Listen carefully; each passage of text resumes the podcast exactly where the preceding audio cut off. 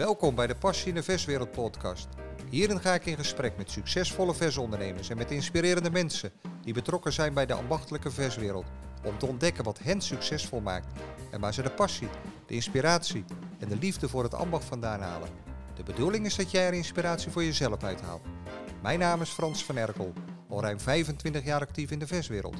En ik zou het super vinden als je me na het luisteren laat weten wat jouw inzichten zijn. Veel luisterplezier.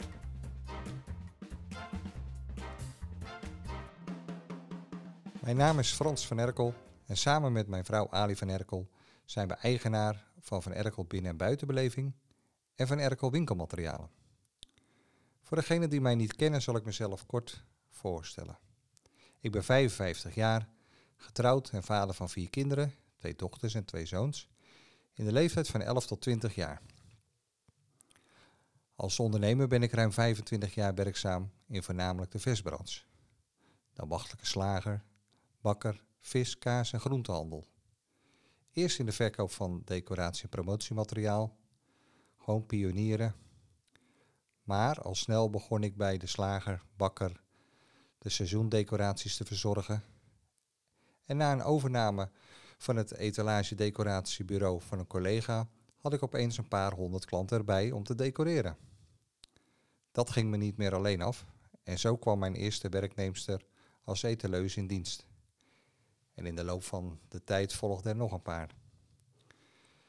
Tijdens het etaleren en decoreren kwam al snel de vraag om ook de signing, dus de binnen- en buitenreclame, te verzorgen.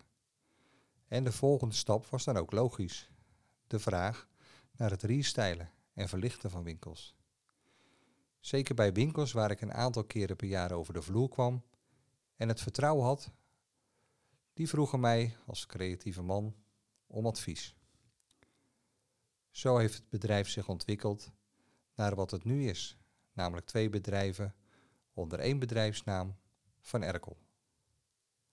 Wellicht zal ik in de loop van de tijd een speciale podcast maken van de geschiedenis van Van Erkel. En ook over mijn auto-ongeluk met een ingrijpende periode erna. Uiteindelijk een incomplete dwarslezing. En hoe ik en wij het weer hebben opgepakt. En hoe te dealen met mijn invaliditeit in combinatie met bedrijf en gezin. Waar haal ik zelf de inspiratie vandaan? En hoe probeer ik anderen te motiveren en te inspireren?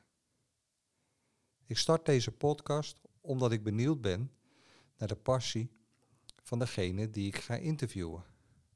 Maar ook hoe ze zelf steeds weer geïnspireerd worden. Door wie of wat en hoe ze anderen weten te inspireren. Hebben ze een missie? En welke is dat dan? Mijn podcasts zullen voor een groot deel bestaan uit interviews.